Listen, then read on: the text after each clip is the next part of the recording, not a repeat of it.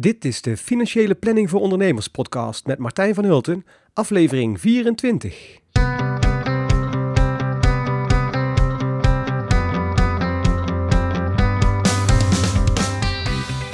Ben je al jarenlang ondernemer? Net gestart of heb je plannen om voor jezelf te beginnen? In deze podcast krijg je allerlei informatie over zaken waar je als ondernemer tegenaan loopt. Ik ben Martijn van Hulten, financieel planner en belastingadviseur en zelf al ruim 15 jaar ondernemer.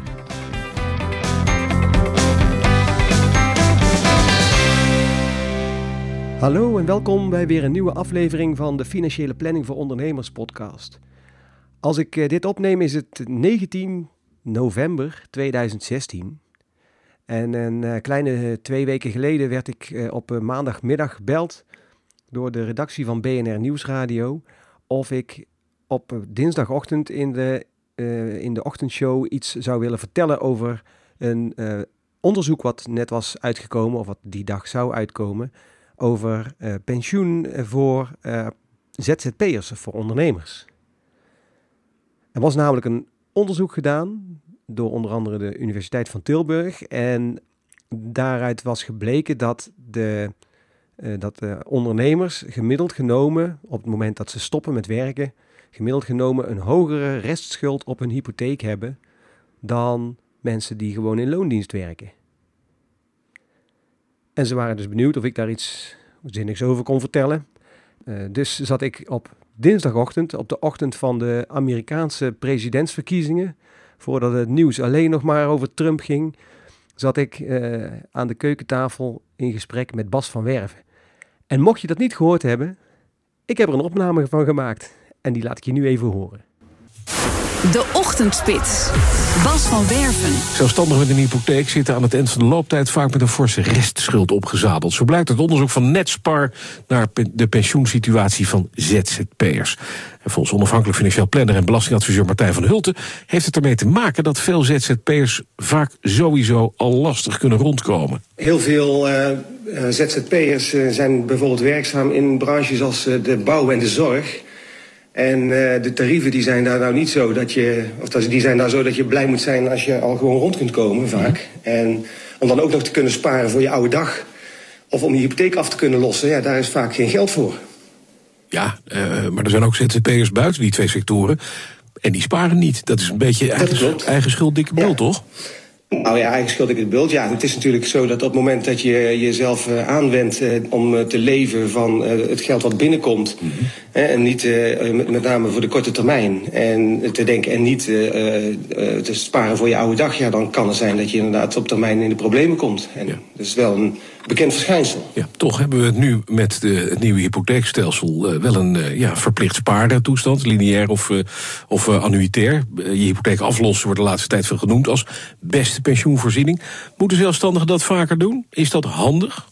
Ja, dat helpt natuurlijk altijd. Kijk, ja. Op het moment dat je verplicht bent om, uh, om af te lossen op je hypotheek, ja, dan, uh, dan is het natuurlijk makkelijker om, daar, uh, om, om dat ook te doen. En ja, met, het zijn dus met name waarschijnlijk de, de, de, de hypotheken vanuit het verleden, waar, die nog aflossingsvrij mogen blijven, ja. die tot deze problemen leiden. Absoluut. Stel dat je besluit om in dit licht je hypotheekschuld te herfinancieren, gewoon te kijken of je het anders kan doen. Wat zijn dan de valkuilen? Want ja, als je 55 bent als ZZP, wordt lastig, hè? Ja, ja, als je inderdaad uh, korter dan tien jaar voor je AOW-datum zit, dan uh, moeten banken voor het bepalen van, de, van het leenbedrag, moeten ze ook kijken naar de pensioeninkomsten die, ze gaan, die, die je gaat krijgen als ZZP'er in de toekomst. Ja, en als je in, je leven voor je ZZP-periode niet zoveel pensioen hebt opgebouwd, dan, eh, ja, dan is er dus heel weinig om rekening mee te houden. En dan heb je dus weinig kans dat je nog eh, een financiering rondkrijgt. Ja, ja jeetje. Nou, er zijn er ook best veel mensen die hebben zo'n aflossingsvrije een beleggingshypotheek die binnen een jaar of tien gaat aflopen. Dit probleem, gaat het daarmee groter worden, denkt u? Uh, ja, nou ja, kijk. Zeker als er huizen zijn die onder water staan, hè? want daar gaat het een beetje. Ja, nou ja, dat, is natuurlijk, dat, gaat ook, dat speelt ook nog mee. En uh, op dit moment trekt het allemaal weer aan uh, met, die, met die huizenprijzen. maar ja, ik sluit niet uit dat er behoorlijk wat ZZP'ers zullen zijn die te zijn de tijd hun huis moeten gaan verkopen. Ja. Om te zorgen dat ze voldoende geld hebben om de bakker te betalen. Om te kunnen overleven. Wat is uw tip ja. aan die ZZP'er die het niet voor elkaar heeft?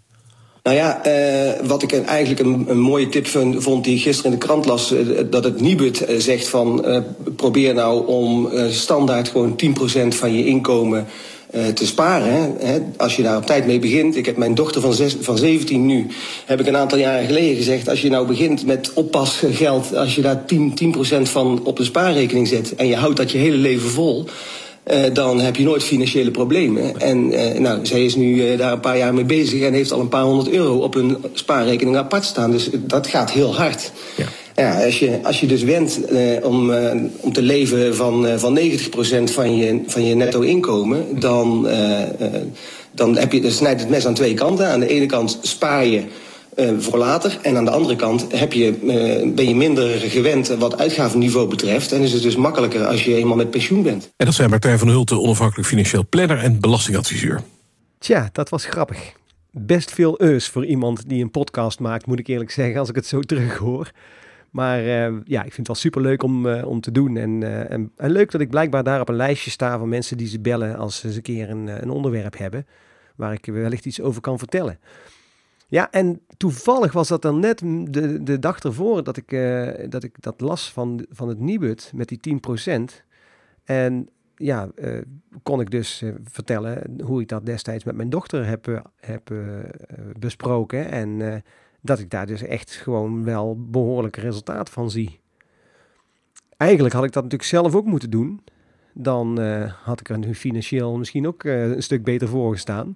Maar ja, ja ja, uh, beter uh, ten halve gekeerd dan ten hele gedwaald, zeggen ze wel eens. Dus uh, misschien moet ik toch maar eens een keer daar zelf ook werk van maken. En misschien moet jij dat ook doen als je, als je luistert en je denkt van ja, ik zou toch eigenlijk wel eens iets meer willen, willen sparen voor mijn pensioen. Dan is, misschien het, is het misschien een idee om daarmee te beginnen. Maar voor veel mensen is het natuurlijk lastig om een uitgavenpatroon wat je hebt, om daar ineens in terug te gaan. En nou ja, als ik naar mezelf kijk, dan heb ik uh, wel zoiets van, ja, ik zou eigenlijk meer moeten sparen voor mijn pensioen. Ik ben wat dat betreft uh, net als de gemiddelde uh, ondernemer, denk ik. Dus ik zou echt wel meer moeten sparen voor mijn pensioen. Maar ik doe dat dan liever door meer omzet te maken, meer winst te maken. En daar dan hè, van dat extra wat ik ga krijgen, om daar een stuk van te sparen. Dan dat ik nu in mijn uitgavenpatroon zoals ik dat nu heb, om daar, daarin terug te gaan. Want ja, 10% ineens minder gaan uitgeven, dat is nog niet zo makkelijk. Dus ik vroeg me eigenlijk af, hoe zit dat nou bij jou? Leef je nu of spaar je voor later? Of misschien toch allebei? En uh, ja, als je zegt van nou, ik zou eigenlijk wel meer willen sparen, maar ik heb mijn huidige uitgavenpatroon of inkomsten en uitgaven zijn redelijk uh, in balans. Maar om nou te zeggen, ik spaar nog eens wat extra, dat, uh, dat zit er op dit moment niet in.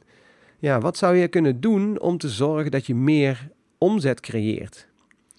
En veel ondernemers zijn natuurlijk optimistisch van aard. Ik las vanochtend in de krant dat de ondernemers hun uh, toekomst, hun financiële toekomst, uh, rooskleurig inzien. Dus de meeste ondernemers uh, denken dat ze in de komende paar jaar een behoorlijke stijging van hun winsten zullen gaan zien. En nou ja, dat optimisme, dat heb je denk ik nodig als, on, als ondernemer, want anders dan zou je er al onmiddellijk mee stoppen natuurlijk, op het moment dat er een keer een tegenslag is of zo. Uh, maar tegenslagen horen erbij. En uh, ja, als je optimistisch bent naar de toekomst, dan, uh, dan blijft je onderneming in ieder geval draaien. Hè? Tenminste, die kans is groot. Dus ik vroeg me nou af van ja, wat zou je nou kunnen doen hè, om te zorgen dat je winst verhoogt? Want ik kan wel kosten gaan besparen, maar misschien is het handiger om de omzet te verhogen. Daarmee krijg je ook meer winst en ook meer ruimte om je pensioen aan te vullen. Nou, zelf ben ik dus financieel planner en belastingadviseur. Dus mijn werkzaamheden waren tot een paar jaar geleden, waar, was dat nog hoofdzakelijk uh, op urenbasis. En nog steeds trouwens, hè, nog hoofdzakelijk op urenbasis. Dus dat betekent, uh, ik uh, werk een uur voor iemand en ik krijg daar een, dat uur betaald. En alle tijd die je daar, daarnaast aan andere dingen besteedt, ja, die wordt niet betaald. Heb jij ook zo'n onderneming? Dan zou je misschien eigenlijk wel eens willen dat je wat minder op die uren zou hoeven leunen, maar dat je iets kunt verkopen wat je, eh, ja, wat je gewoon één keer maakt en dan meerdere keren kunt verkopen. Dat is natuurlijk eigenlijk wel eh, dat, ja, een, een veel prettiger verdienmodel. Op het moment dat jij een onderneming hebt die iets produceert en, uh, en, je kunt de, en er is een vraag naar, je kunt die vraag vergroten, dan is de, de tijd die je extra tijd die je erin moet steken om meer te produceren, is wellicht minder dan. Uh, ja, het staat niet in, met elkaar in verhouding. Hè? Dus 10% meer omzet betekent niet dat je 10 keer zoveel of 10% meer tijd daarin hoeft te steken. En dat zou natuurlijk ook fijn zijn als je als kennisonderneming, als onderneming die kennis verkoopt, dat je dan ook zeg maar uh, uh, dat op zou kunnen schalen. Nou, daar wordt de laatste tijd best heel veel over uh, geschreven en er zijn heel veel ondernemers die zich juist ook op die nieuwe markt richten en hè, om te kijken van ja, hoe kunnen we ondernemers die kennis verkopen nou helpen om dat zeg maar bijvoorbeeld via online producten aan te gaan bieden, zodat je één keer iets maakt en dat vervolgens meerdere keren kunt verkopen. En het leek me wel aardig om in deze podcast te delen met jou hoe wij dat nou doen en wat wij de afgelopen tijd gedaan hebben om uh, deze transitie eigenlijk naar een ander verdienmodel om die te maken. Allereerst, nou, in het verleden was het natuurlijk zo, een, een klant had een probleem, had een, een fiscaal probleem of wilde een financiële planning. En uh, die kwam bij ons en vervolgens gingen wij dat uh, het probleem uh, uitwerken, oplossen, een, een, oplossing daarvoor bedenken en dat aan die klant vertellen. En als er een week later of een maand later of een half jaar later een andere klant kwam die hetzelfde probleem had, dan had je, was de kans groot dat je nou ja, misschien wel eh, stukken van dat eerdere advies kon gebruiken, maar dat je toch weer voor een groot deel hetzelfde proces doorging en dat je dus eigenlijk het dubbel werk aan het doen was. En datzelfde gold eigenlijk voor eh, de overdracht van kennis. Op het moment dat een, een klant, een accountantskantoor bijvoorbeeld of een administratiekantoor een vraag had over een fiscaal probleem, dan, dan konden we die vraag beantwoorden. En vervolgens uh, kon, het best zo zijn dat er op een later moment weer iemand anders dezelfde vraag had en waar we dan vrolijk weer hetzelfde uit gingen zoeken. Nou, op een gegeven moment zijn we gaan bedenken van hoe kunnen we nou die kennis die wij hebben op een wat meer gestructureerde manier overbrengen naar onze klanten. En zo zijn we alweer een jaar of twee geleden begonnen met, uh, of misschien al langer, met een vaktechnisch overleg voor accountants en administratiekantoren. Dus mensen komen dan naar ons kantoor en uh, gaan in groepjes, uh, gaan we die bijpraten over recente wetswijzigingen, uh, over jurisprudentie die is verschenen, over fiscale onderwerpen waar zij in geïnteresseerd zijn. En het leuke is dan ook nog eens een keer dat ze met elkaar in overleg gaan en, en dat daar soms oplossingen uitkomen waar alle aanwezigen iets aan hebben. Nou, daarmee creëerden we eigenlijk al een verdienmodel waardoor, waarbij we meerdere mensen tegelijkertijd aan tafel hebben en waar, waarbij je dus een, een groter bedrag per uur ontvangt dan je normaal zou krijgen als je één op één met iemand aan tafel zou zitten. Maar goed, het vraagt natuurlijk ook de nodige voorbereiding. Er moet een syllabus gemaakt worden. Je moet uh, nadenken over hoe ga je dat, uh, uh, hoe ga je dat inrichten. Er moet een zaaltje voor zijn en de kosten moet je daarvoor maken. Dus uiteindelijk um, moet, het, eh, moet je ook, uh, uh, ja, is het een afweging uiteindelijk van wat het, of het gunstiger is of niet. Maar natuurlijk, om, naarmate je meer gaat opschalen, wordt, dat, wordt, wordt dat plaatje steeds beter. Een tweede stap die we zijn gaan maken is om online producten te gaan creëren. Dus gewoon cursussen om te zetten in een online variant en die dan vervolgens kan worden gekocht via onze website. En zo ben ik een, uh, een jaar geleden begonnen met een. Uh, toen werd de, de wetswijzigingen, werden de wetswijzigingen aangekondigd voor de afschaffing van de VAR. de wet DBA werd ingevoerd. Nou, daar zul je ongetwijfeld het nodig over gehoord hebben. En dus ik ben op een gegeven moment hadden wij een presentatie voor onze klanten hè, over die wet DBA. Wat hield dat nou precies in? Welke welke stappen moest je doorlopen.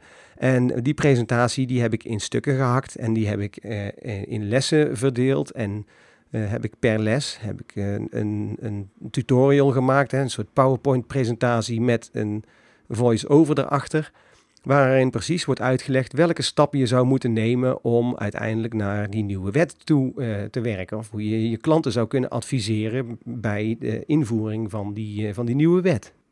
Nou, dat heeft enorm, uh, wat, enorm veel tijd gekost. En helaas, gisteren is bekend geworden dat die wet eigenlijk niet werkt en dat die voor, vooralsnog in de koelkast of in de ijskast verdwijnt. En dat het, ja, de kans dat het uiteindelijk op deze manier doorgaat, acht ik nou bijzonder klein. Want ik denk dat er nog wel in ieder geval de nodige aanpassingen aan gaan komen.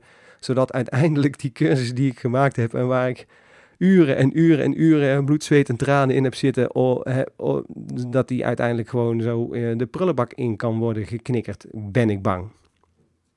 Maar goed, dat is ook een, uh, een risico van het vak. En, en uiteindelijk uh, heb ik wel heel veel van geleerd. Want eh, de techniek die erbij komt kijken, hoe ga je zoiets aanpakken? Welke stappen moet je zetten? Welke programma's heb je nodig? En hoe werken die dan? En hoe krijg je het op een goede manier overgebracht en ingericht? En hoe ga je je betaalpagina's en je webshop inrichten? En dat soort zaken allemaal ja, er komt enorm veel bij kijken als je het hele proces op een goede manier wilt inrichten.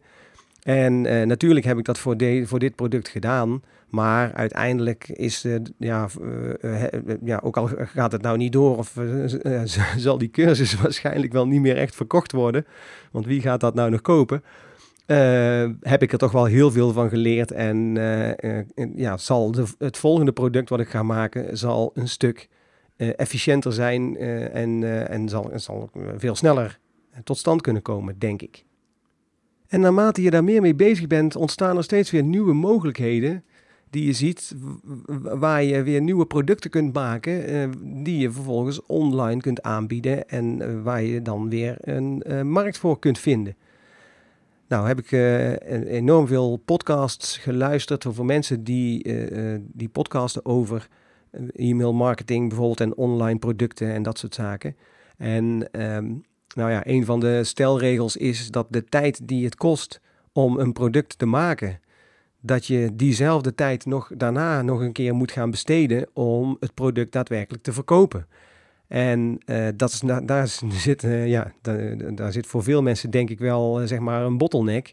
Want het maken van zo'n ding is al iets. Hè? Dat, dat, kost enorm veel tijd. En als je dan daarna dus nog zoveel tijd moet besteden om dat onder de aandacht te brengen en om te zorgen dat het ook daadwerkelijk verkocht wordt. Ja, dan wordt het wel een hele, is het echt wel een hele klus om dat, om dat te doen. Maar uiteindelijk, als zo'n product staat, en zeker als het een product is wat langere tijd uh, uh, nuttig kan zijn voor, voor klanten, dan ja, kun je natuurlijk een, een inkomensstroom genereren die op gang blijft. En waarbij je dus zonder dat je er dan op, dat, op, op enig moment nog veel extra tijd in hoeft te steken, toch gewoon steeds meer tot meer omzet leidt. En dat kan dan in het kader van het pensioensparen nog wel interessant zijn. Want stel nou dat je een aantal producten weet te maken die op lange termijn nog steeds verkopen op het moment dat je uh, minder gaat werken of stopt met werken. Ja, dan heb je dus eigenlijk een stukje pensioeninkomen gecreëerd. Wat, je, uh, uh, ja, wat, wat doorloopt hè, en waardoor je dus minder hoeft te sparen nu voor, voor inkomen later. Maar goed, het blijft natuurlijk een onzekere business, want je kunt nou wel iets maken waarvan je denkt van ja, dat gaat misschien op termijn wel, blijft dat wel geld opleveren. Maar ja, het is maar de vraag of dat dat zo is. Want uh, nou, in, in mijn voorbeeld, uh, ze hoeven de wet maar te veranderen of er hoeft iets aan aangepast te worden of de techniek verandert waar, over, over een onderwerp waar je, over, uh, een, waar je een product over gemaakt hebt. En uiteindelijk ja, kan zo'n product dan toch van het een op het andere moment waardeloos worden. Helaas, blijkbaar. Ja, en de volgende stap die ik nu ga maken in mijn online uh, producten is dat we webinars gaan aanbieden. Dus het VTO, het vaktechnisch overleg, wat we nu nog fysiek doen op kantoor, dat wil ik eigenlijk ook voor mensen die geen zin hebben of geen tijd hebben om naar kantoor te komen, wil ik op termijn op uh, via een webinar gaan aanbieden, zodat je gewoon thuis van achter je computer uh, dat kunt volgen en uh, misschien zelfs wel als je op dat moment niet uitkomt, gewoon de opname van dat webinar bekijken op een, op een ander moment. Hoe dan ook, ik ben erg enthousiast aan het worden of geworden al lang over deze manier van kennis verkopen en deze manier van mijn, uh, mijn kennis overdragen aan anderen. Ik vind dat heel leuk. Dat is, eh, ik, daar, daar, ja, dat is mijn passie hè, om, om die kennis over te dragen en te zorgen dat anderen daar iets mee kunnen. Dus uh, als ik dat op deze manier kan doen en ik kan, daar, uh, kan dat opschalen, dan lijkt me dat echt het, het, het mooiste om te doen. En uh, ja, ik ben zelf als financieel planner, uh, vraag ik heel vaak aan mensen van ja, wat, wat is nou jouw droom? Hè? Wat, hoe zou je, wat zou je nog willen doen uh, in je leven? En als ze dan dingen noemen waarvan ze zeggen van ja, dat wil ik na mijn pensioen, dan ga ik dit doen. Of na mijn pensioen, dan ga ik dat doen. Dan vraag ik altijd van ja, waarom, waarom doe je dat dan niet eerder? Hè? Waarom, waarom zou je dat uitstellen tot na je pensioen? Want misschien ben je er dan wel helemaal niet meer. Hè? Dus op zich is het uh, uh, ja, is best leuk om te kijken of iets nu al realiseerbaar is. Nou, toen ging ik een keer even bij mezelf na van wat zou ik nou nog graag willen doen? En um, nou, ik, ik, ben in 1993 na mijn studie ben ik op de fiets naar Santiago de Compostela gegaan. En ik heb toen al bedacht bij mezelf van nou, dit wil ik ook nog een keer te voet doen. En zelfs heb ik toen al bedacht, dat zou ik eigenlijk willen doen voor mijn vijftigste. Nou, volgend jaar november word ik 50. Dus uh, de tijd begint te dringen. En uh, ik heb dus bedacht dat ik uh, mijn eigen advies eigenlijk ook wel in de praktijk zou willen brengen. En dat ik dus volgend jaar naar Santiago de Compostela ga lopen. Maar goed, dat heeft natuurlijk financiële consequenties. En dus het zou heel mooi zijn als het systeem van de, uh, de, online verkopen, dat dat uh, gaat werken. En dat ik dus een inkomensstroom kan gaan genereren die mij in staat stelt om dadelijk een tijdje, zeg maar, even ertussenuit te zijn en toch nog een bepaald basisinkomen te verdienen. En ik ben ervan overtuigd dat als dat je passie is en als je daarvoor gaat, dat dat dan ook gaat lukken. Dus uh, ik ben uh, vol energie, ben ik daarin gevlogen en, en ben ik ja, vast besloten om dat inderdaad te, te laten lukken. Als jij nou ook zoiets hebt en je, hebt, ja, je, je verkoopt kennis nu nog zeg maar gewoon uh, één op één op uurbasis. En je zou toch over willen ook naar een wat meer kennis online en uh, op, uh, naar, naar andere verdienmodellen te kijken.